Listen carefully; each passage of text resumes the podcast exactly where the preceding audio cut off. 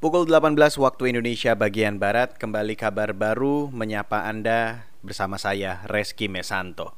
Saudara, Satgas Penanganan COVID-19 meminta masyarakat menerapkan protokol kesehatan di lingkungan rumah untuk mencegah munculnya klaster keluarga. Ketua Bidang Penanganan Kesehatan Satgas COVID-19 Akmal Taher mengatakan, protokol kesehatan harus diterapkan ketika salah satu anggota keluarga berisiko tertular karena beraktivitas di luar rumah. Ia menambahkan kelompok-kelompok rentan seperti anak-anak dan orang tua juga harus dilindungi ketika salah satu anggota keluarga diduga kuat berkontak dengan pasien positif.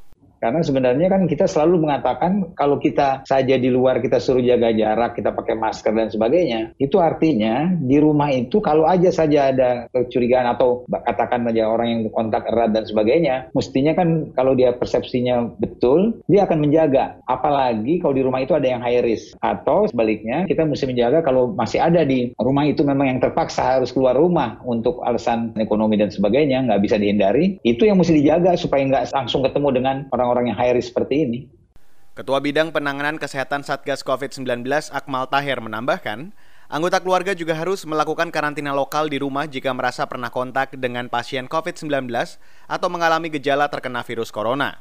Karantina harus dilakukan ketat sembari menunggu hasil tes COVID-19 keluar. Akmal mengakui masalah besar yang dihadapi Satgas dalam mencegah munculnya klaster keluarga ini adalah ketidakpatuhan anggota keluarga menjalani karantina ketika menunggu hasil tes keluar.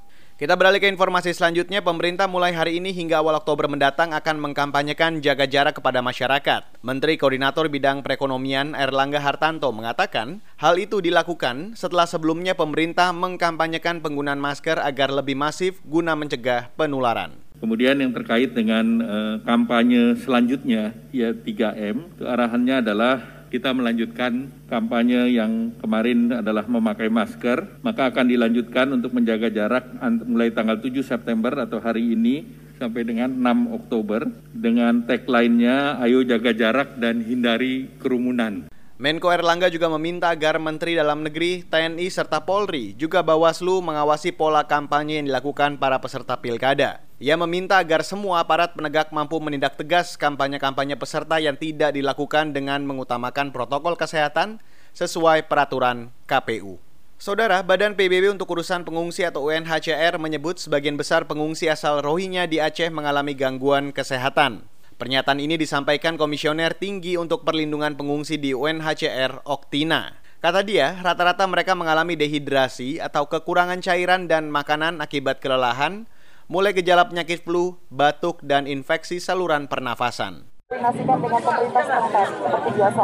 Kondisi kesehatan jumlah mereka buruk? Uh, kebanyakan dari mereka perempuan dan anak-anak, jadi kelihatannya memang agak sedikit uh, kurang sehat dan nanti mungkin akan kita lihat sampai di BA mana Untuk sementara kita pindahkan dulu, jangan di sini dulu Pak. Apa protokol kesehatan. Senin dini hari tadi sekira 260-an roinya ditemukan terdampar di kawasan pantai Ujung Blang, Kecamatan Banda Sakti, Kota Lok Sumawe, Aceh. Para pengungsi didominasi perempuan, sementara sisanya laki-laki dan anak-anak.